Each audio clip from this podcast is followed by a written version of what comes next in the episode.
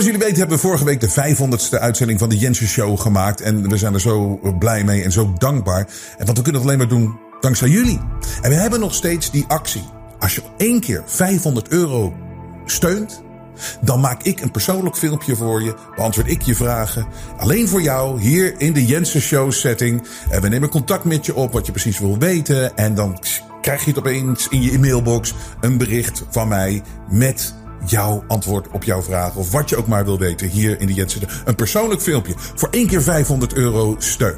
We doen dat nog deze week en dan uh, houden we ermee op. Maar ik wil jullie even laten weten dat uh, dit al een aantal keer uh, hebben mensen hier gebruik van gemaakt. En die zijn er heel blij mee.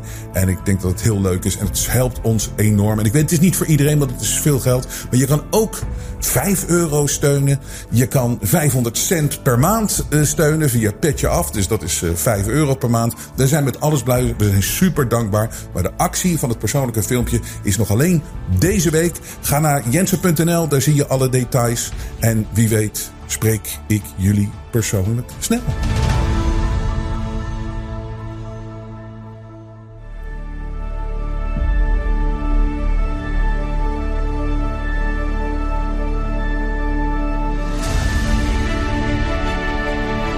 Welkom, strijders voor onze vrijheid en onze rechten, die zich nooit gek laten maken en rustig blijven.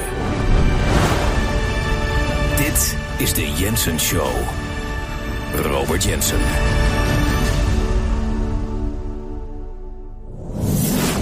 Wat kan je zeggen over de tijd waarin wij leven? Ja, je kan zeggen, het is uh, heel turbulent. Het is heel heftig. Het is zeer bizar.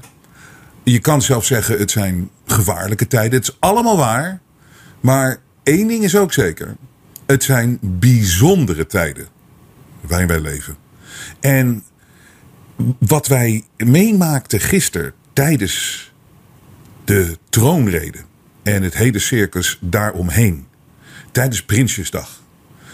Um, hebben jullie dat ook? Dat ik iedere keer ben ik weer verrast van, oh, het is weer Prinsjesdag. Omdat je het eigenlijk zo gewend bent om het maar te negeren. En je, je weet toch, het is altijd hetzelfde gedoe. Het, het, het, het is altijd hetzelfde niks zeggende, de niks zeggende nonsens. Maar toch heeft het dat je eigenlijk verrast van, oh, het is weer zover. Het is, oh, we zijn wel weer op Prinsjesdag. Maar het ding is dat nu heeft, heeft, krijgt het toch een soort van ander gevoel. Omdat, wat is er gebeurd de afgelopen 2,5 jaar? Bijna drie jaar nu. Mensen zijn natuurlijk wakker geworden. En dat geldt zeker nog niet voor iedereen. Maar ik denk dat we zeker kunnen uh, uh, concluderen dat een derde van de bevolking precies weet wat hier aan de hand is. Dan heb je een derde die gaat met alles mee. Dat zijn de schapen, weet je. Die zullen het verdedigen tot het, tot, tot, het einde. En die weten helemaal niet waar ze naar geleid worden. En ze gaan maar mee. Dan heb je ook nog steeds een derde van de mensen. En die ziet het allemaal wel een beetje, maar die wil gewoon met rust gelaten worden. En uh, maar het, het, het probleem nu is, zeg maar, voor de heersende elite, voor het establishment, is dat die 30% of 33%, hoe je het ook wil noemen, die derde, daar zijn heel veel mensen die voelen nu dat ze geraakt worden in hun leven. En zolang ze het maar niet voelen, zolang ze maar denken dat het, dat het hun niet raakt, dan gaan ze gewoon altijd, altijd wel mee, deze mensen. Maar nu is het zo dat bij de derde, bij die, die, die, die, die, die, die groep die het echt ziet, en die het heel erg door heeft, krijgt nu heel veel bijval van heel veel mensen uit die andere derde groep. En dus het zijn zoveel mensen die nu zien dat het helemaal niet klopt wat ons hier wordt aangedaan en wat hier, wat hier aan de hand is. Dat mensen zijn wakker geworden en mensen die komen hier tegen in gezond verzet en in opstand. Die, die mensen hebben nu zo'n punt bereikt van ja, dit kan zo niet langer doorgaan. Waar zijn jullie mee bezig? Het is overduidelijk dat ons iets verkocht wordt wat onverkoopbaar is. En wat ook helemaal niet gebaseerd is op de realiteit. Maar sterker nog, wat slecht is voor ons allemaal. En we begrijpen het niet meer. En we kunnen op een gegeven moment alleen maar concluderen dat dit bewust zo gedaan wordt. En dat dit bewust ons aangedaan wordt. En waar we mee te maken hebben gehad natuurlijk, is dat voor die hele Kiona-nonsens, die gasten, noem ze de globalisten, noem ze de elite, noem ze wat dan ook. Eigenlijk zijn ze eeuwenlang zijn ze heel slim geweest. Ze zijn heel slim geweest, want mensen hadden het niet echt door. Mensen dachten, nou weet je, kijk, kijk nou hoe goed we het uh, nog hebben mensen. Zo noem ik ze altijd. De kijk nou hoe goed we nog hebben. Kijk nou hoe goed we nog hebben. Dus mensen voelden hem niet zo. Maar sinds Kiona, de grootste leugen ooit. Hebben zoveel mensen nu zoiets van: hey, ho, ho, dit, dit, dit kan niet. Dit, het gaat veel te ver nu allemaal. En nu zien we er dwars doorheen. En het rare is, ze kunnen niet meer terug. Dus ze blijven pushen, ze blijven pushen, ze blijven pushen. Ze willen niet dat eh, nog meer aan het licht komt van wat ze allemaal uitvreten en uitgevroten hebben. En hoe ze dat doen, ouderwet, is constant weer andere crisissen creëren. En eh, afleiding, zodat je niet gaat kijken naar wat er echt aan de hand is. Maar dat lukt ze niet meer. Dat lukt ze gewoon niet meer. Wereldwijd zien mensen nu het gevaar van de plannen die ze hebben. En nog belangrijker, we gaan niet mee. En hier is altijd, weet je, kom ik weer terug op toen het begin van de Kiona-uitbraak. Mensen vroegen mij, hoe lang gaat dit allemaal nog duren? Nou, dat gaat zo lang duren als dat wij het toestaan. Want als wij zeggen, we kappen er allemaal mee, we doen niet meer mee, ja, eh, steek het maar allemaal in je reet, om het maar zo te zeggen, dan houdt het op. Want de rekensom is heel simpel. Het zijn maar een aantal van hun en er zijn miljarden van ons. Dus het rare is, je blijft je verbazen waarom mensen dit niet eerder gezien hebben. Waarom mensen niet uh, de, eerder zeggen van genoeg is genoeg en we, we doen niet meer mee. Omdat je ziet hoeveel ze al gegraaid hebben voor zichzelf. Bij ons allemaal weggehaald hebben. En ze geven nu niet meer op. Sterker nog, ze kunnen niet anders dan doorgaan met het uitvoeren van hun plannen. En daar gaan we zo weer eens even over hebben wat hun plannen nou precies zijn. En die leggen ze echt daadwerkelijk nu gewoon op tafel. Tot en met het belachelijke de mensheid een chip geven. En van de mens een soort van robotachtig iets worden, een computer maken. Het ligt allemaal op tafel. Ze, ze, komen er nu gewoon mee naar buiten. Dus daar gaan we het zo nog eens over hebben. Maar gisteren, Prinsjesdag. Ik ga gewoon nu even een fragment uitzenden van het NOS Journaal. Want je ziet, die, die, die bij de NOS, de staatsomroep, die leven natuurlijk ook gewoon in een bubbel. Die hebben natuurlijk helemaal niet door wat er leeft onder de mensen, onder de bevolking. Dus die maken gisteren iets mee. Maar ik, ik moet je zeggen, ik, ik vond dit ook uh, heel heftig om te zien.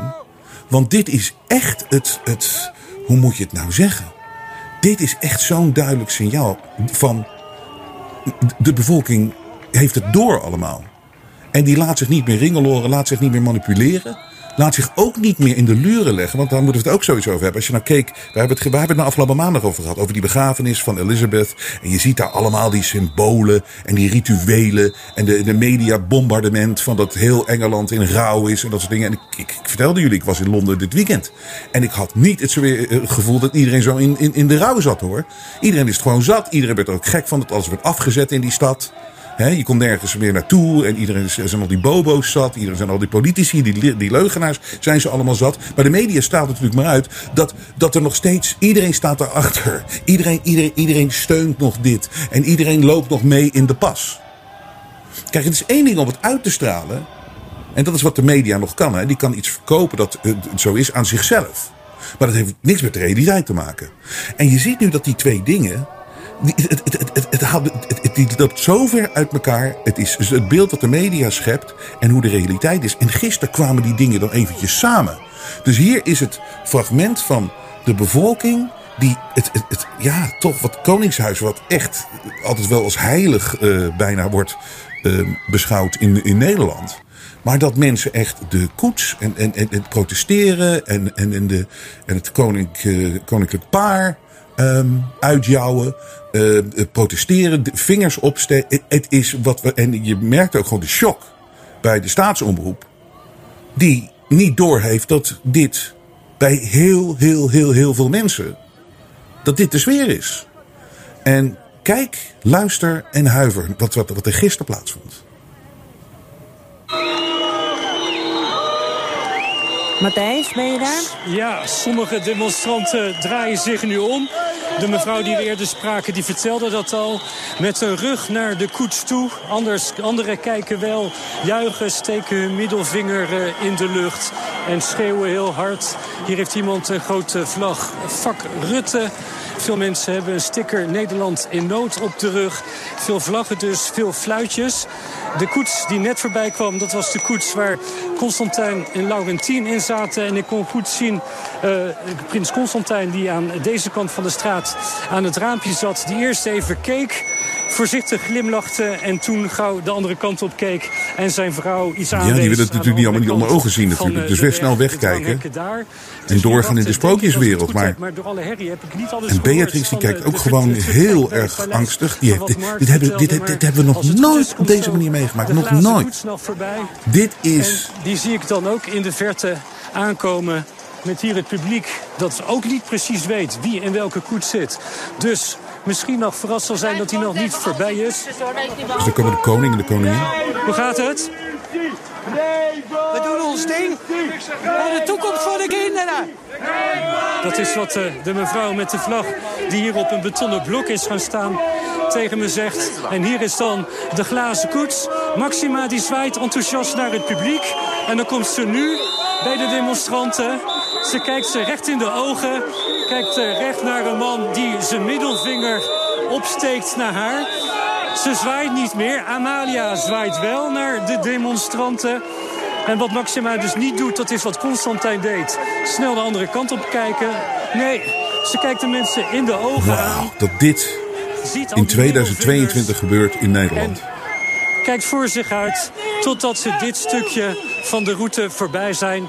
Dat is bijna zover je kan eigenlijk alleen maar concluderen dat ze hebben zo in een, uh, hun hand overspeeld. Ze hebben zo weinig rekening gehouden met de bevolking. Dan heb ik het niet per se over het Koningshuis, want dat is natuurlijk ook maar een uiterlijke kant van een establishment op de achtergrond um, die aan de touwtjes trekt.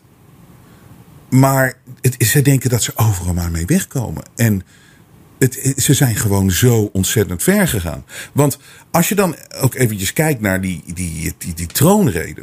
Dan komen we net uit drie jaar narigheid hè, met de, de, de Kiona. Een, ongelofelijke tijd. Die lockdowns, allemaal nutteloos natuurlijk. Ja, daar hoef ik niet uh, vandaag over te hebben. Maar ik kan het niet vaak genoeg herhalen wat voor een aanslag dat is geweest. Gewoon ook op, op, de, op de gezonde verstand van mensen en de intelligentie van mensen. En ook op het leven natuurlijk zelf. En op de vrijheid en op de mensenrechten. Het is ongelooflijk geweest. Dus dat heeft zoveel schade aangericht op alle vlakken. Psychologisch, financieel, economisch. Nou, noem het maar op. Lichamelijk natuurlijk ook. Wachtlijsten in de zorg. Uh, het, is, het is niet te geloven. Zoveel schade aangericht. Dan zou je toch denken, daar moeten we even hele lange tijd van herstellen.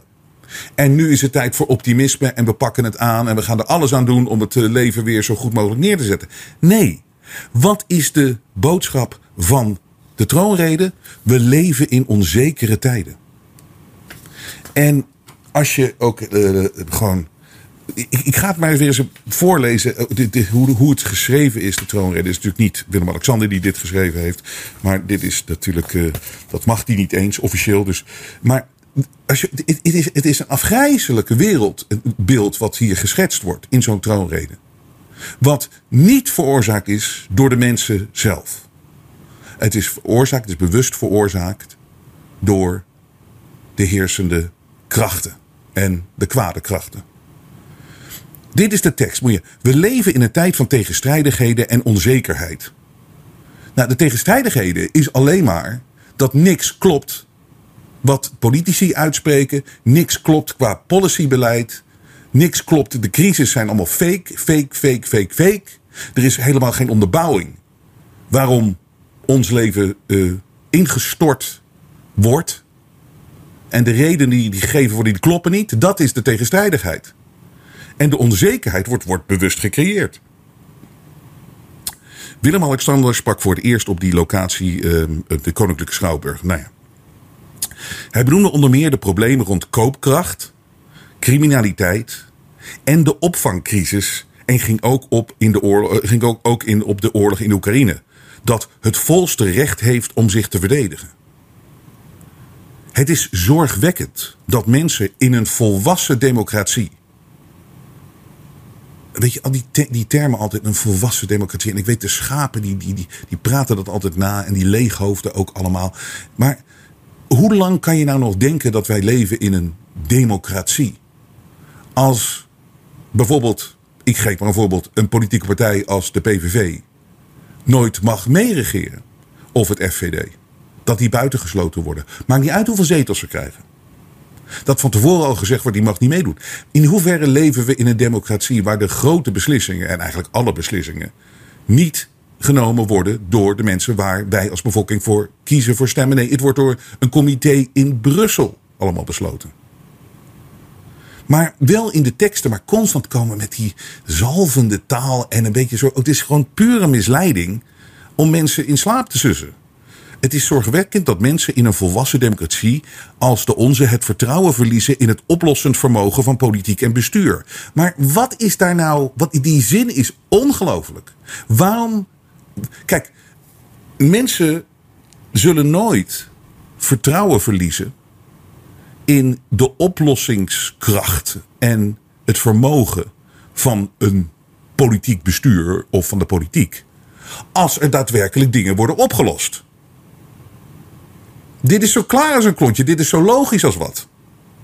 Dan, als je ziet gewoon, oké, dit is het probleem en het wordt goed opgelost, heb je vertrouwen. Maar nou zien we al tientallen jaren dat er komen altijd maar problemen en er komt altijd maar een crisis. Het wordt nooit opgelost. En de oplossing is altijd erger dan het fake probleem, wat het vaak is. Dat het fake probleem is. Het is tegenstrijdig dat bestaanszekerheden onder druk staan en armoede toeneemt in een periode van economische groei en lage werkloosheid. Tegenstrijdig is het dat mensen uh, zich in ons vrije land onvrij voelen om hun mening te geven uit angst voor harde reacties of zelfs bedreigingen. En dit is ook weer zo. Mensen in ons vrije land die voelen zich onvrij. Hoe, hoe kan dat nou? Omdat je niet vrij bent om te zeggen wat je wil daar zijn genoeg voorbeelden van. Je wordt door het zogenaamde bestuur waar je, en de politiek waar je zoveel vertrouwen in hebt, word je thuis in een lockdown neergezet. Je, er komt een avondklok omdat er een virus is. Met het gevaar van de griep is nu gewoon bewezen. Statistisch, iedereen geeft het ook toe. Van Bill Gates tot Tedros tot wie dan ook. Daar is geen discussie meer over. Je wordt neergezet thuis, je wordt zoals een slaaf behandeld. Dan ga je de straat op om compleet geweldloos daar voor je rechten op te komen. En je wordt met waterkanonnen beschoten en je wordt in elkaar geramd. In hoeverre heb je dan het idee dat je gewoon vrij bent? Kijk, dus ik, ik, ik ga, eh, het, het ging maar door. Maar hier, het is pijnlijk dat steeds meer mensen in Nederland moeite hebben met het betalen van hun huur, boodschappen, zorgpremie of energierekening. Het is pijnlijk, wordt hier gezegd. Niet dat die gasten daar allemaal de last van hebben, maar het is pijnlijk. Maar in hoeverre is het dan zo zorgwekkend dat, het, dat mensen het vertrouwen uh, verliezen? En hoever, wat is dan de. Dat is toch logisch? Als je in een situatie, situatie terecht raakt, en wat ze toegeven, het is pijnlijk dat steeds meer mensen in Nederland moeite hebben met het betalen van hun huur en de boodschappen, zorgpremie of energierekeningen. Natuurlijk verlies je dan vertrouwen. Natuurlijk krijg je dan tafereelen uiteindelijk die je dus gisteren zag. Nou, het, het ging maar door, die, uh, die, uh, die troonrede. En dat was natuurlijk eigenlijk ik heb een goede mail gekregen hierover. Die, die, die, vat het perfect samen. Beste Robert, de troonrede van vandaag is een typisch WEF, World Economic Forum, troonrede. Um, nou, we weten allemaal dat uh, al deze mensen die uh, we weer voorbij zagen schuifelen en in koetsen en weet ik veel wat allemaal in mooie pakken en mooie hoeden. Die zitten allemaal bij meneer Klaus Schwab aan tafel te luisteren naar wat, wat, wat, wat ze moeten zeggen en wat ze moeten doen. Het ging alleen maar over klimaatverandering, energiecrisis en stikstof. En Oekraïne natuurlijk. De oorlog is dichtbij en onze vrijheid wordt aangevallen, zegt hij. Dus uh, Willem-Alexander. Dus de vraag is weer, raakt Nederland betrokken? Maar eh, weet je, waarom, uh, waarom is er zo weinig vertrouwen en wat is het altijd tegenstrijdigheid? Kijk, er is geen klimaatveranderingscrisis. En ik weet, mensen zijn gehersenspoeld en er zijn heel veel mensen die er wel in geloven. Maar goed, feitelijk is het niet zo. En geen serieus mens gelooft er ook in.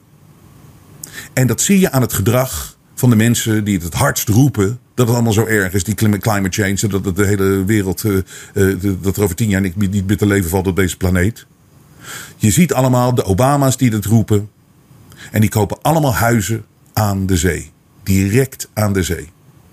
En die volgens hun eigen modellen zouden die huizen er over tien jaar niet meer moeten zijn. Maar zij kopen toch voor 12 miljoen dollar kopen ze een huis daar in Cape Cod of in, uh, in, in, op Hawaii. Die gasten vliegen allemaal private jets. Allemaal. Ze geloven er zelf niet in. En ze moeten ons serieuzer gaan nemen. En ze denken echt dat, dat, dat ze iedereen allemaal maar uh, in de maling kunnen nemen. Maar dat, dat, dat, er zijn te veel mensen wakker geworden. En dat komt echt door de arrogantie van die gasten zelf. Ze denken echt dat ze alles er wel doorheen kunnen jagen. Dus dit worden echt hele roerige tijden. En uh, zoals uh, Klaus uh, al gezegd heeft: We have to prepare for a more angry world. And we have to take the necessary steps in order to combat that. Dat zei hij. We moeten ons voorbereiden op een bozere wereld. Ja, het is nou eenmaal zo. Dat is absoluut zo. Maar ook daar gaan ze er gewoon vanuit. Dat ze het systeem wel zo in elkaar hebben. Dat iedereen er gewoon allemaal wel in meegaat. En dat ze ons de kop in kunnen drukken. Maar dus klimaatverandering, geen serieus mens gelooft erin. Hetzelfde geldt voor die energiecrisis. Iedereen weet, geen serieus mens die gelooft in het, die, leugen. Dat Rusland op klaarlichte dank, uh, dag vanuit het niks om geen enkele reden de Oekraïne is binnengevallen. Dat is geen serieus argument, maar zo wordt het ons wel verkocht. En dus, mensen nemen dat natuurlijk klakkeloos aan. Maar er is een enorme historie tussen die twee landen. Het, is, het klopt allebei niet, ze kloppen allebei niet.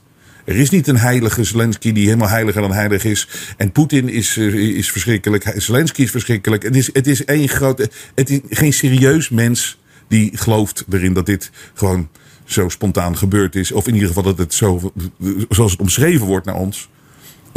Dat het zo heeft plaatsgevonden en zo plaatsvindt. Nou, dan heb je die stikstofcrisis. Dat is natuurlijk net zoveel bullshit als die klimaatverandering. Er is geen stikstofcrisis. Stikstofcrisis, ik heb het al eerder uitgelegd. Wat er altijd, wat is je doel? Oké, ik verzin de crisis. En de oplossing daarvoor zal je doel bereiken. Maar het zal het probleem niet oplossen. Maar dat hoeft ook niet, want het is geen probleem. Ik heb de crisis heb ik voor je verzonnen. Wat is je doel? Oké, je wil de boeren weg hebben. Want uh, het eten en dat soort dingen moet gecentraliseerd worden. Dat mag niet meer in Nederland. We moeten ook het land hebben daar. Het is, er is geen plek meer voor de boeren. Oké, dat is je doel. Oké, wij verzinnen een stikstofcrisis. We rommelen wat met modelletjes. En met, uh, wat, wat, wat bedoel je? ziet, je gaat even de grens over uh, 220 meter. En is er opeens in Duitsland en België geen stikstofcrisis. Het slaat helemaal nergens op is maar omdat ze die modellen hebben aangepast. Dat ze een cijfertje. En ja, als je daar boven komt. Ja, maar waarom is in Duitsland het cijfer dan veel hoger? Ja, ja dus we hebben een andere situatie. Dichter bevolkt. Uh, meer koeien. Meer koeien die daar winden aan het laten zijn. Dus ook weer zo. Dus, oké, dus je wil ze weg hebben? Oké, okay, wij zijn een fake crisis. En dit is de oplossing. Dit, dit, dit, dit is wat we moeten doen. Dit is wat we moeten doen om het fake-probleem op te lossen. En dat wat je moet doen, dat moet er gewoon doorheen gejaagd worden. Want als dat gebeurt, dan heb je dus je oorspronkelijke doel, krijg je. Dus jongens, het is, het is, het, het, het, is, het is één grote leugen. Eh, de koning wil een andere economie, zei hij. Lees, dat is gewoon natuurlijk inderdaad de Great Reset en Build Back Better. Hij vindt de Verenigde Natie, NAVO en de EU heel belangrijk. Hij vergat de World Economic Forum te noemen. Ja, nee, maar dat World Economic Forum, dit is zijn, die denken nog dat ze in de schaduw zitten. En die denken dat ze daar even allemaal bij elkaar kunnen komen. Maar die zijn natuurlijk zo ongelooflijk exposed. Daarover later meer. Um, hij vindt dus de EU heel belangrijk. Eh, samenwerking met andere landen. Kortom, de multilaterale wereldorde, oftewel de New World Order. Hij noemt ook de Agenda 2030. De maatregelen in de koopkracht, verhoging van toeslagen leiden ertoe dat de Nederlanders steeds meer afhankelijk worden van de overheid. En is het begin van een basisinkomen. De verhoging van het minimumloon met 10% klinkt mooi, maar betekent de nekslag voor het MKB. Dat is ook opvallend, dat heb ik ook moeten leren. Want ik dacht vroeger ook, dacht ik van, uh, uh, ja, waarom niet een hoger minimumloon? Dat kan toch allemaal. Maar het is iedere keer als dat, als, dat gebeurt, en dat weet iedereen ook. Dus als je dingen op zeep wil helpen, en voornamelijk het MKB, dan moet je het jeugd, de minimumloon moet je, uh, het is niet minimum jeugdloon, maar minimumloon moet verhoogd worden. Dat iedere keer als ze dat doen, en het is getest, dus dat weten ze, dan stort het MKB in elkaar. Want het werkt veel beter voor businesses om gewoon mensen gewoon te betalen naar aanleiding van het succes van het bedrijf. Dan een minimumloon. Want dan gaan mensen uiteindelijk veel minder mensen aannemen. Businesses worden minder succesvol. Waardoor het in elkaar stort. Het is een hele rare dynamiek. Maar lees het zelf na, zo werkt het altijd. Dus nu, nou, het klinkt allemaal heel mooi. Het opheffen van de boerenstand en het protest wordt afgedaan als begrijpelijke emoties. Weet je, dat is ook weer zo. Inderdaad, begrijpelijke emoties. Dat is ook zo'n nikszeggende term. We begrijpen de emoties. Maar dat betekent niet dat ze er iets aan gaan veranderen. Nee. We hebben een fake-crisis gecreëerd om dit doel te bereiken. En dit moeten we doen om het zogenaamd op te lossen. En daar kan niet over gesproken worden, want er is nou eenmaal een crisis. Maar dan hebben ze wel begrip, begrijpelijke emoties. En we worden ook weer gewaarschuwd voor de volgende coronapandemie. Alleen de LGBTQ-community is niet genoemd. Hmm. Onze vriend Klaus had net zo goed deze troonrede kunnen voorlezen. Want meneer Schwab, dokter Schwab, heeft deze troonrede gewoon geschreven. Nou, ik vind het een uh, goed, goede uitleg van wat we daar gezien hebben. En de nonsens ook. Kijk, wat een heftige boodschappen zitten erin. En na drie jaar narigheid denk je toch eindelijk... Weet je, komt er nou wat verlichting of zo van die, vanuit die gasten? Nee hoor, ze gaan gewoon door. Ze willen mensen eronder krijgen. En ze willen een samenleving eronder krijgen... om uiteindelijk gewoon een nieuwe wereldorde te creëren. Um, en ik, ik, ik, nam even een screenshot van mijn telefoon. Van als ik even uh, gisteravond uh, zag ik dus dit uh, op de telegraafpagina. Die berichten onder elkaar. Maar dan zie je heel duidelijk dat er is natuurlijk een gedeelte van de bevolking. Die, die willen ze gewoon echt dom houden. En die wil, die, die gedeelte van de bevolking. Die is altijd zo geweest. Weet je, ja, die wil het allemaal niet weten ook. En die zijn er nog steeds. Alleen dat zijn er een stuk minder dan vroeger. Maar hoe doen ze dat? Moet je kijken, wat, wat, een, wat, wat een negatieve sfeer. Koning in troonrede leven in onzekere tijden. Want dat is echt de boodschap. Hier, ook boegeroep en omgekeerde vlaggen tijdens balkonscène. En dan onderaan staat reacties op troonreden. Toenemende onrust en onvrede onder middeninkomens. Dus dat is allemaal het, echte nieuws. Echte, maar dan wordt het tussendoor nog eventjes gedaan. Prinsjesdag. Wie draagt wat? Dan wordt, er, dan wordt er dus eventjes uh, even zo'n oppervlakkig. Dan wordt er, oh, uh, Maxima droeg dit hoedje. Uh, Laurentien droeg de, dat hoedje en dat soort dingen. Dat is voor de mensen die er gewoon niks van willen weten. En die zoiets hebben van, ja, ik ben helemaal niet geïnteresseerd in politiek. Ja, maar weet je wat het is? Het, het is het uur-u. En jij kan misschien wel niet geïnteresseerd zijn in de politiek, maar de politiek is wel geïnteresseerd in jou. En dat zouden die mensen nooit moeten vergeten. Maar het grappigst, wat ik, het mooiste, het mooiste en het, wat zo veelzeggend is over de reden waarom mensen geen vertrouwen meer hebben in dat theater. Um, is, is, is de uitspraken van, zijn de uitspraken van die psychopaat Rutte, die leugenaar. Van gisteren. Het is zo mooi. Hij praat dan altijd met journalisten op zo'n dag.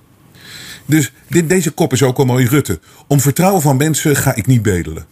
Met andere woorden, er is een arrogantie binnengeslopen. Joh. Ze denken van we doen het er toch wel doorheen. Het maakt ze ook niet meer uit. Ik vind het ook zulke rare mensen. Dat ze dit allemaal, bijvoorbeeld dat, dat ze de boeren aandoen. Dat doe je je medemens toch niet aan? Of die lockdowns, het gemak waarmee deze gasten dit allemaal maar gedaan hebben. Nul empathie, nul gevoel. Ze zien ons echt gewoon als een soort van laboratorium ratten. Waar ze alles maar mee kunnen doen. En natuurlijk, als je constant maar accepteert dat dat met je gebeurt. Dan.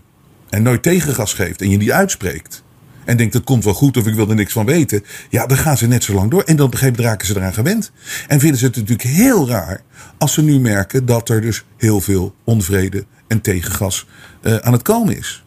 Maar de allermooiste, de allermooiste is zijn de uitspraak hier bij het AD. Hij heeft Rutte gezegd: politiek kan problemen niet wegtoveren. En dan de eerste zin: het kabinet is er niet om alle problemen op te lossen. En toen dacht ik, hij zegt hier wel gewoon, vertelt wel voor deze leugenaar voor de verandering een keer de waarheid, zonder dat hij door heeft, die dombo. Maar het is inderdaad, het kabinet is er niet om de problemen op te lossen. Het kabinet is er om de problemen te veroorzaken. Politiek tegenwoordig, die acteurs zijn er om crisissen te creëren en de problemen te veroorzaken. En wat ze dan gaan doen, gaan ze naar de bevolking weer toe. Ja, eh, we kunnen het niet eh, zelf doen, eh, we hebben jullie hulp nodig. Dus dat gaat zover als gaat thuis zitten om een virus daar beneden te krijgen, om een virus te bestrijden. Sluit jezelf op. Blijf anderhalve meter uit elkaar. waar is dat wetenschappelijk op gebaseerd? Je moet het gewoon doen. En dan de media erachteraan. Anderhalve meter. Ja, want dat, zo, zo hou je de besmettingen tegen. Nou, nu komt het gewoon naar buiten. Via Mr. Dr. Radcliffe, de baas van het CDC in Amerika. Die heeft gewoon toen de tijd gezegd, want toen er gevraagd werd in de interne groep van, van andere uh, uh, wetenschappers. Van, kan je daar even de wetenschappelijke onderbouwing van geven van die anderhalve meter? En die heeft gewoon gelachen, de baas. De, de, de Van Dissel van Amerika. Van het CDC. Hij heeft gewoon gelachen en zegt van ja, die onderbouwing hebben we helemaal niet. We hebben het verzonnen. Het komt nu naar buiten. Beetje laat na 2,5 jaar, maar we weten ook wat voor lafaards die wetenschappers zijn. En die durven denk ik niet meer uit te spreken. Een paar wel, hè. En die zijn fantastisch en die moeten we bejubelen. Maar dus inderdaad, politiek kan problemen niet wegtoveren. Dus eh, je veroorzaakt het probleem, je creëert een probleem en dan ga je zeggen van ja, ik kan niet oplossen. Dus eh, als het inderdaad zo is dat ze zich zorgen maken van dat er in een volwassen democratie dat het vertrouwen verloren raakt in het oplossend vermogen van politiek en bestuur. Ja, als de premier van Nederland zelf zegt ja, wij zijn er niet om de problemen op te lossen. het is toch te grappig voor woorden. Het is prachtig. En je, je ziet het gewoon aan alles dat ze willen ons daar houden in die narigheid. Maar kan, kan wat is dat voor een van uitgangspositie? Dat is namelijk uitgangspositie eh, van mensen in crisis willen houden, mensen willen blijven onderdrukken, mensen klein willen houden mensen eh, tegen de groei in willen gaan. Tegen de ontwikkeling in willen gaan van zowel mensen als een maatschappij. Het tegenwerken van natuurlijke krachten om zelf de macht te houden. En dan moet je niet kijken naar de Rutters, ook niet naar de Willem-Alexanders, maar die zijn maar onderdeel van een systeem op de achtergrond van griezels die de macht al zo lang in handen hebben. Doordat ze het grote geld beheren. En dat kunnen ze alleen maar doen door ons klein te houden en zichzelf steeds groter te maken. En nu staat het water ze aan de lippen. Dus nu moeten ze hele heftige dingen allemaal doen. Maar om eventjes. Want er wordt ook wel eens gezegd van ja, weet je, sommige dingen zijn gewoon niet op te lossen. En politiek is heel complex. Is het nou zo complex? Nee, natuurlijk helemaal niet. Dingen zijn heel makkelijk uh, op te lossen. En dat, het enige wat je nodig hebt is, uh, is goed leiderschap. En ik kom dus weer uit bij governor DeSantis uit Florida, van Florida. En we gaan even op de site zetten een, een, een, een speech die hij gegeven heeft. Het is vrij lang, maar lees het. Dit is goed leiderschap. Dit is gezond verstand. Hij, het, eh, de speech heette ook Florida versus Davos.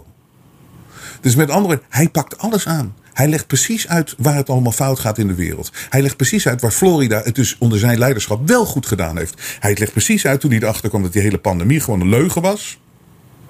Hij, hij, hij, hij legt precies uit over de immigratie, hoe dat allemaal werkt. Hij, hij, hij legt precies uit het onderwijs. Dat kinderen beschermd moeten worden tegen al die nonsens seksuele propaganda. Die dan die kinderen maar meekrijgen op school. En hij neemt allemaal, hij schrijft wetten. En hij is fantastisch bezig daar in Florida. En hoe uitzicht dat? In een hele succesvolle staat.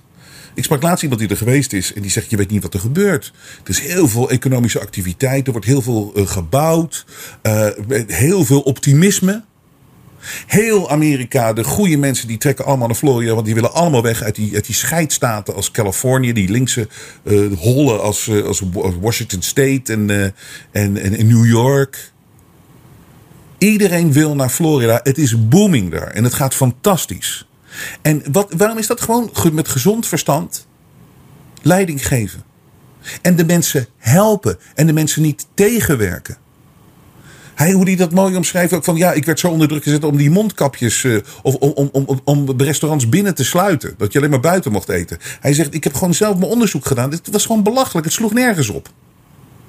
Dus ja, tuurlijk, als je, als je binnen een mondkapje wil opzetten, uh, nou, dat is jouw keus. Maar ik ga het je niet opdragen. Iedereen moet vrij zijn wat hij zelf doet. En dat is zo fantastisch. En daar kom je ergens mee. En het resultaat is er. En hij kwam met één goed voorbeeld. Dat als je kijkt naar het aantal inwoners van de staat Florida. Die, eh, Florida heeft 3 miljoen inwoners meer dan de staat New York. Dus dat is 3 miljoen inwoners meer dan de staat New York. Maar de begroting van dat linkse, corrupte New York. Eh, van de van, de, van, de, van de staat, is twee keer groter, twee keer groter dan Florida. Twee keer groter dan Florida. En Florida heeft 32 miljard, uh, miljard surplus op de begroting. Dus met andere woorden, wat aan het einde van de dag ze meer overhouden. 32 miljard surplus op de begroting in Florida. En het is dezelfde, eh, het is net zo groot als New York. En denk je dan van oké, ja, maar er zullen ze in Florida wel heel veel belasting betalen. In Florida betaal je geen income tax. Nul. Je hebt een federale tax, eh, belasting in Amerika en dan heb je het per staat. En per staat op je inkomen zero. Zero. En wat, wat, wat, wat, wat, wat, wat, wat, gebeurt er dan natuurlijk? Daar hebben mensen meer geld over, gaan ze meer uit, meer, meer, meer spenderen. Mensen gaan ook meer investeren in dingen. Je ziet businesses gaan daar allemaal naartoe. Het is zo logisch als maar kan zijn. Maar ja, als je mensen maar armer uh, uh, maakt met, met, met hoge gasrekeningen, met hoge belastingen, met belasting voor dit, belasting voor dat, belasting voor dat, bla bla bla bla bla bla bla bla. weer 800 miljoen naar de Oekraïne, weer 600 miljoen naar Spanje en Italië. weet je, dan blijft er natuurlijk niks over. Dus het is te doen. Florida is weer zo'n voorbeeld van als je mensen gewoon vrij laat. Als de overheid uit je weg blijft. Eh, eh, zo min mogelijk eh, eh, je lastig. Die je ook een beetje helpt als het ware. Maar een overheid helpt je al door gewoon er niet te veel aanwezig te zijn. En zich niet met alles te bemoeien. Daar help je. En dan komen de mensheid en de mensheid en de maatschappij komen er zelf uit. Je wordt gewoon tegengewerkt. En dat wordt natuurlijk uh, vanwege die nieuwe wereldorde, dat is wat ze willen, hè, dat alles geleid wordt eigenlijk vanaf één punt. Amerika is de belangrijkste, die moet nog uh, vallen. En daar zijn ze heel erg heftig mee bezig. Het gaat er eigenlijk allemaal om Amerika, omdat ze denken met de EU hebben ze het al voor elkaar. Maar kijk nou naar de Verenigde Naties. De taal die daar, er is dus weer zo'n zo'n General Assembly is er, was er weer. Maar hoor de taal, de taal. Our world is in peril. Het is alleen maar dat de wereld. Uh, het, is, het, is, het, het, is, het, is, het is gespannen. Het is een hele slechte wereld. We are gridlocked in colossal global dysfunction. Secretary General Guterres said. Adding that our world is in peril and paralyzed. We zijn verlamd in de wereld. En het is gevaarlijk. En, het is, en we moeten ons laten leiden door deze mensen. Maar zie, het is alleen maar bangmakerij in ons klein houden. Maar we prikken er doorheen. Hier, ik moet ook lachen. Dit is een van de mooiste dingen. Die moet ik allemaal, als ik, als ik Jette zie. Die probeert ze neer te zetten als een of een groot staatsman, groot leider. Robbie Jette. Misschien wat een clownshow het is. Dan vind ik het nog steeds zo raar dat ze Hubert Bruls niet minister van Volksgezondheid gemaakt hebben. Dat zou toch zo lachen zijn geweest? Want ze lachen ons toch gewoon allemaal uit met die clowns. Hier, Robbie Jette, die is nu energieminister. Die man heeft nog nooit iets gepresteerd in zijn leven. Is, is, is, als, als, die, als, als, twee hersencellen in zijn, in zijn hoofd elkaar tegenkomen, dan, dan, dan, herkennen ze elkaar niet. Die hebben ze elkaar nog nooit eerder gezien. Weet je, het is een robotachtige figuur, Robot Jetten. En die zegt nu dus ook, moet je nagaan, dan gaat Rob Jetten gaat de Nederlander vertellen. Rob, Rob, Rob de robot. Gaat Nederland vertellen, de tijd van goedkoop gas komt niet terug. Wie ben jij, joh? En wat is dat weer voor een boodschap? Weet je wat, als je echt de leider bent, zeggen we gaan er alles aan doen om weer zo goedkoop mogelijk gas. Ik zou dat liefst gratis willen geven aan uh, Nederland. Want kijk, het zit gewoon in de aarde. Het, het, werkt gewoon. Het werkt gewoon goed. En we gaan ervoor zorgen dat uh, het zo snel mogelijk weer betaalbaar wordt. Dat is leiderschap. Maar nee hoor, ze draaien het om. De tijd van goedkoop gas, goedkoop gas uh, komt niet terug. Hoe krijg je dat uit je mond? Hoe krijg je dat uit? Hey, Koninklijke Huis voor het eerst meer dan 50 miljoen per jaar. Ja, dat helpt natuurlijk ook allemaal niet. Uh. Maar goed, waar willen ze dan uh, naartoe met z'n allen? Wat vinden ze nou zo leuk? Wat, wat, wat, wat, wat, wat volgen ze nou allemaal? Waar zijn ze nou zo van overtuigd? Nou, ze zijn ervan overtuigd dat de wereld heel anders moet gaan. En de wereld gaat veranderen en dat is nou eenmaal zo en dan moet je je bij neerleggen. En een van de personen die hier leidend is in dit verhaal en ik, ik vind het eigenlijk schrikbarend, en ook voornamelijk onder zeg maar, de schapen, hoe, hoeveel mensen deze gast al kennen. Dat is Yuval de Grisal, noem ik hem altijd. Yuval de Grisal uh, Harari. Dat is een of ander uh, schlemieltje uit uh, een, een, een, een, een, een, een onmogelijke vent uit Israël. Die woont daar met zijn mannetje. Uh, en die, doet, die schrijft allemaal boeken over hoe de mensen eigenlijk veranderd gaat worden. En dan worden we meer een soort van computer. En we worden allemaal aangestuurd door artificial intelligence. Nou, we hebben het hier al vaker over gehad. En dan word je meteen weggezet als wappie, weet je, door sommige mensen. Maar het is gewoon, ze komen nu echt daadwerkelijk naar voren voor wat ze willen. En hij is de adviseur van eh, Klaus Schwab. En om maar even aan te geven. ehm, hij, er is één iemand die, die geldt zo op Yuval de. En dat is Mark Rutte. Want heel toevallig zat Yuval de Giesal. Die zat bij een andere eh, idioot, andere leeghoofd, Humberto Tan. En die zaten aan tafel met elkaar. Ehm, en toen hadden ze een instartje, heel toevallig, kwam Rutte net het binnenhof oplopen. En die ging eventjes hier even. Nou, die kwam bijna klaar. eh, het, toen het ging over Yuval de Giesal. Kijk. Meneer Rutte, goedemorgen. In de studio bij Umberto. Lekker weer. Nee, het is geen lekker weer. Maar in de studio bij Umberto zit Yuval Harari. U kent hem, want u heeft ooit met hem op een podium gezeten. In, in, in eh, hier. Dus wat, ik nog wat voor. wat voor man is het? Ja, het is een van een ongezo- ongelooflijk eh, knappe vent. Uh, gezichtsverbalend. Hij heeft een paar prachtige boeken geschreven. Wat maakt zijn werk zo goed? Want, uh, want u luistert. Hij, hij kan die uiterst complexe problemen zo knap uitleggen. Dus ehm, eh, zijn boeken zijn, hè, over, zijn lessen voor de 21e eeuw en de andere boeken. Het zijn allemaal, ehm, eh, eh, ja, laten we zeggen, eh, niet versimpelingen, maar hij legt het uit op een manier dat in ieder geval jij en ik het ook begrijpen. Hij voor mezelf praat, dat ik het ook begrijp. Zie je, hij, hij zit hier gewoon heel enthousiast. Die knappe vent. Nou, dat weten we meteen. Zijn smaak in mannen. Nou, je valt de Giesal. Maar any- anyways, maar ehm, eindelijk komt hij er eens een keertje vooruit dan. Nee, maar ik weet niet. Maar het is natuurlijk een knappe vent. Wat, wat een rare manier van omschrijven. Anyways. Maar goed, die gasten leven de omgekeerde waarheidwereld. Hè? Dus misschien die zien alles op zijn kop. Eh, eh, dus maar goed, een knappe vent, Yuval de Giesal. En zit hij dat hier zo heel enthousiast aan te prijzen. Dat boek, heel raar natuurlijk. Een, een premier die dat eh, zo op die manier doet. Echt met zo'n zo'n opgezet stukje. Ehm, dus die, je weet gewoon, die spreken elkaar ook heel veel. Denk ik hoor. Want dit is, hij is zo enthousiast. Maar vergeet nooit, de laatste keer dat Rutte zo enthousiast over iets was, was het het vaccin. Nou, dan weet je hoe dat gelopen is allemaal. Maar er is dus ook een interview geweest met Yuval de Giesal in de Telegraaf. En dan ga ik gewoon eens even voorlezen. En dan moet je even kijken hoe deze mensen denken. En, en, dit is zo lastig voor sommige mensen nog om te begrijpen. Maar dit is echt wat ze willen met de mensheid. Wij moeten een soort van, eh, met de, of het nou met een chip geïmplant is of dat ze gaan werken, dat zal ik zo vertellen, want dat komt nu ook naar voren, dat ze onze cellenstructuur zo gaan veranderen dat we een soort van robotachtige computers worden. Aangestuurd door artificial intelligence, dus vanaf één punt. En ze zeggen dat ze het al kunnen doen, dat zeggen ze, maar ze zeggen zoveel dat ze kunnen doen. En meestal komt er niks van terecht. En, eh, nou goed, maar hier komt Yuval de, de Giesal. De Israëlische historicus, dat vind ik ook altijd zo, zo'n historicus. Zie je zo'n ventje van 32 zitten. Wat is dat nou een historicus? Een historicus is voor mij een man van 82 met een pijp die sowieso al 80 jaar geleefd heeft en 80 jaar heeft kunnen kijken hoe het echt is. En historicus, er wordt helemaal niet meer de geschiedenis, wordt helemaal niet meer verteld zoals het echt heeft plaatsgevonden. Zie, ik, heb, ik ben drie woorden, ben ik in het artikel en mijn bloeddruk is nu al naar de 180. Ik kan niet tegen dit soort slemielen. Ik lach ze uit. En dat moeten jullie ook doen. Altijd het serieus nemen van, de, van, de, van, de, van, van, die belachelijke mensen die leven op de laagste levensenergie die er bestaat.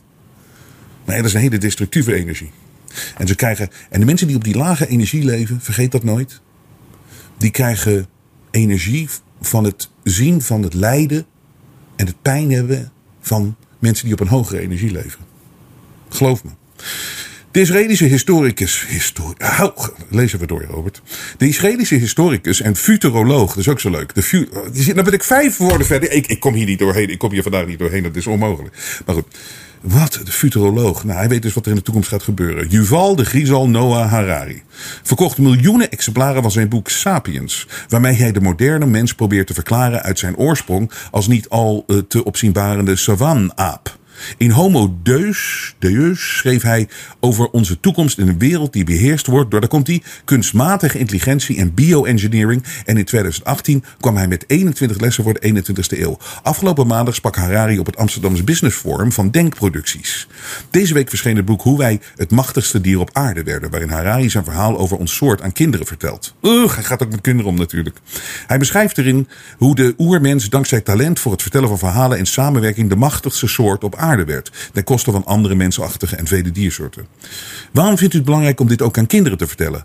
Omdat het voor kinderen belangrijk is in de geschiedenis van de mensheid als soort te begrijpen. In de meeste landen, en zeker in mijne, leer je de geschiedenis van je eigen volk en cultuur. Terwijl het zeker in de 21ste eeuw belangrijk is dat mensen beseffen dat ze deel maken van iets groters dan hun eigen groep.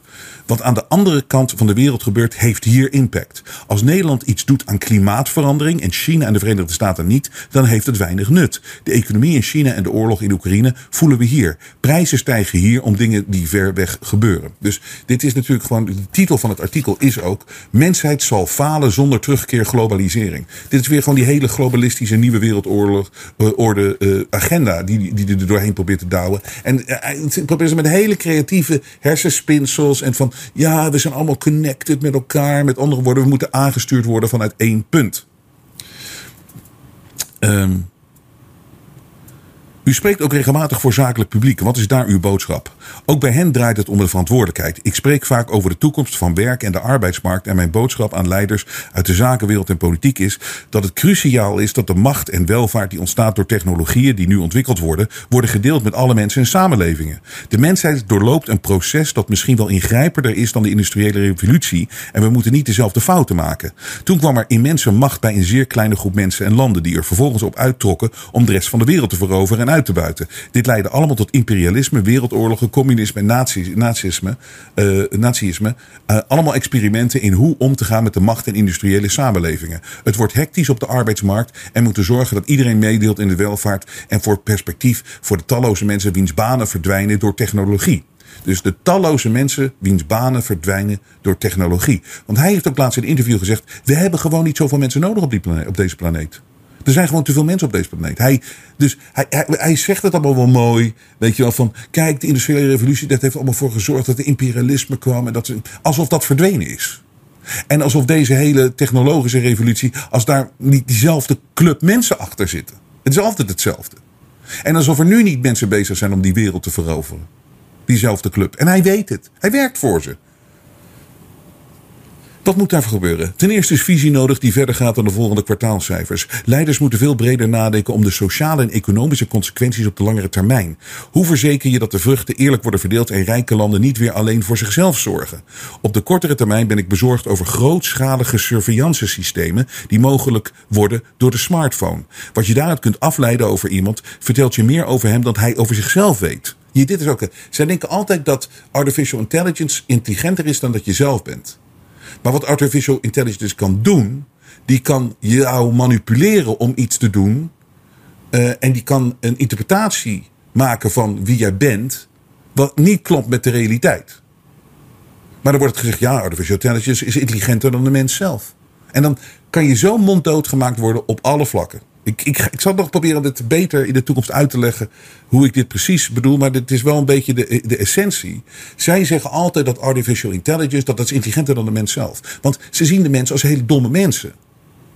Hij zegt ook altijd, Yuval de Giesel zegt altijd, people are hackable. You can hack the human brain.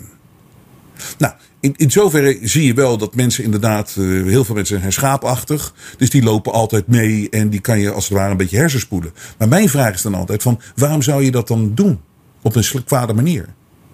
Als dat zo is, als, de, als je veel verschapen hebt, leidt ze dan naar de goede kant. Waarom altijd naar destructie? Waarom altijd naar oorlogen? Waarom altijd naar uh, klein houden? Waarom altijd naar uh, controle? Waarom naar lockdowns?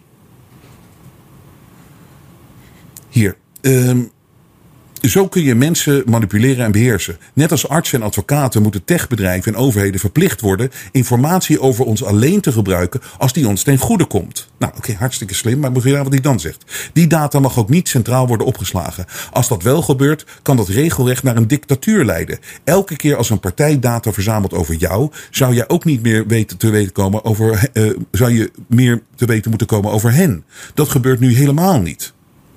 Maar het grappige is, hij zegt, het is, het is ook weer double speech allemaal van hem. Hij zegt, de ene keer zegt hij dat, de andere keer zegt hij dat. Hij heeft ook interviews, hebben we hier ook uitgezonden, dat hij gaat zeggen van ja, eh, mensen gaan toch eh, uiteindelijk kiezen voor veiligheid. Dus die laten wel hun hele privacy geven ze wel op voor veiligheid. Dat, daar, daar gaat het gewoon naartoe. Want mensen zijn hackable human beings.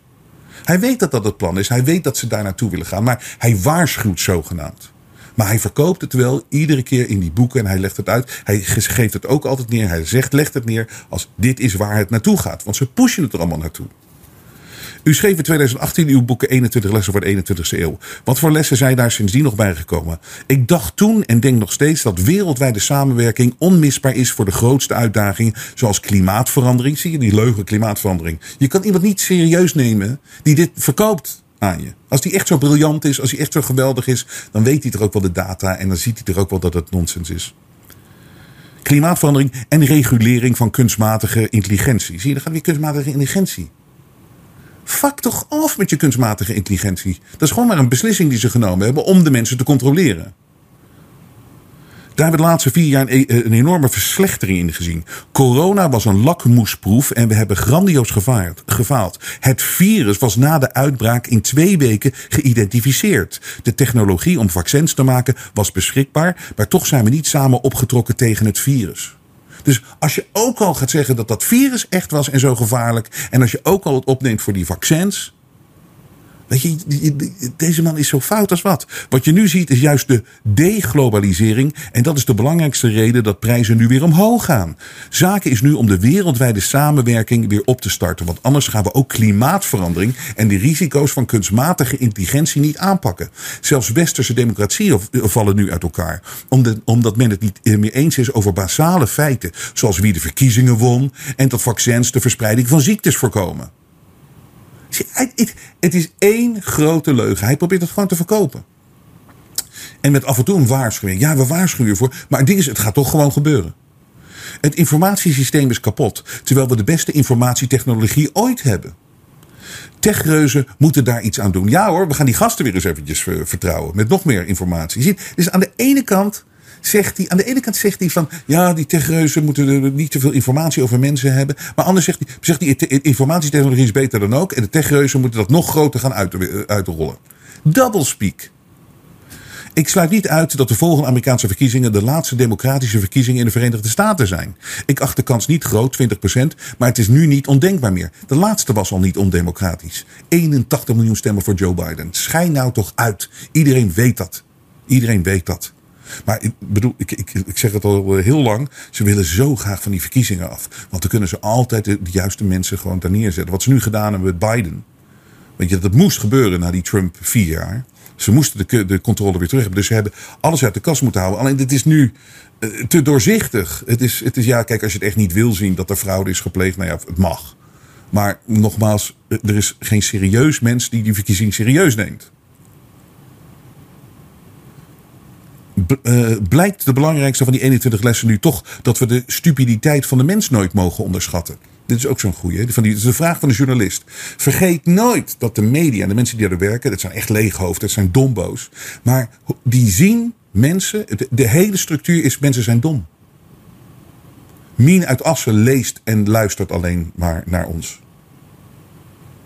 En die zijn dom. Dus dit is, dit is dan de, de, de, conclusie van de journalist. En dan gaat uh, de Giesel, die moet erom lachen natuurlijk. We denken altijd dat we het onder de knie hebben en een goed zorgsysteem of democratie hebben gebouwd. Maar als we de eh, instituties die daarbij horen niet goed onderhouden, blijkt dat we ergere pandemieën en dictaturen dan ooit kunnen verwachten. Wat een raar antwoord op die vraag, hè? En zo zie je maar. God, eh, nou, er komen nog meer pandemieën en dictaturen. Is die boodschap van u aan die kinderen die uw boek eh, lezen wel optimistisch? Ja, zegt hij. Want wat de geschiedenis ook laat zien is dat mensen in staat zijn geweest om hele grote prestaties te leveren. Dat uh, we als mensheid die macht hebben zaken te veranderen, is iets dat we moeten erkennen en wijst op onze eigen verantwoordelijkheid. Niet alleen op technologisch, maar ook op sociaal vlak hebben we dat gedaan. Zoals de verbetering van de positie van vrouwen. Yeah, de laatste honderd jaar. En dat is ook allemaal gebeurd zonder bloedvergieten als oorlog en moord op presidenten. Dat biedt hoop. We kunnen de wereld niet alleen veranderen, we kunnen het ook nog op een geweldloze manier doen. Dus manipuleren, manipuleren, manipuleren. En weet, weet je nog dat filmpje wat we uitgezonden niet zo lange tijd geleden? Maxima die langs ging op die middelbare school. Dit was al in 2018 of zo, 17. En dan ging ze onderwijs geven over artificial intelligence. Het is een verschrikkelijke gast. Dus die toekomst van uh, veel meer techniek en, die, en, en, en de mens en techniek samen te laten komen. Joe Biden heeft nu een, uh, het volgende gezegd. Hij zegt natuurlijk helemaal niks, de man is dement. Maar ze komen er nu vooruit. Joe Biden's call to write circuitry, uh, circuitry for cells and predictably program biology in the same way as we program computers. Dus Joe Biden heeft een executive order nu getekend. Calling for biotechnology that can predictably program biology in the same way in which we write software and program computers. En dat is natuurlijk gewoon de eerste stap naar zo'n ja, transmens, niet een transmens, maar een transhumanist toekomst. Dat wij zo half computer. Want wat dit dus zegt, we, we moeten de biologie kunnen programmeren zoals we computers kunnen programmeren. En waar dit allemaal over gaat, is dat je dus cellen kan bewerken met technologie.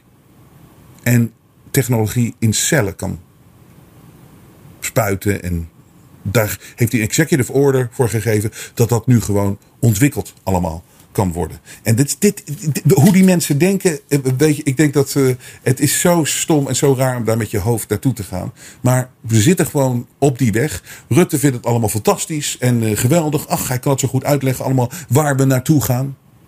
Daarom gaan ze maar. Ze gaan maar voor. Ja, ze zitten op die trein. Maar waar ze vanwege hun arrogantie geen rekening mee houden en niet mee kunnen houden, is dat er nog zoiets is als de mensheid en de menselijkheid en menselijk bewustzijn. Deze gasten leven op zo'n raar niveau. Het zit alleen maar tussen hun oren. Ze leven, ze leven op de laagste energie. Ze denken dat ze alles kunnen manipuleren, alles kunnen doen. En wat komen ze dan opeens tegen als ze te ver gaan? Een sterke, krachtige tegenorkaan van menselijk bewustzijn. En in dat proces zitten we nu. Dus vergeet nooit deze mensen gewoon uit te lachen. Niet te kwaad te worden. Lach ze uit. Het zijn sukkels die ons proberen te manipuleren. Maar genoeg is genoeg. De media toont zijn ware gezicht. Maar Robert Jensen buigt voor niemand. Steun het echte geluid via jensen.nl en wees onderdeel van de vooruitgang.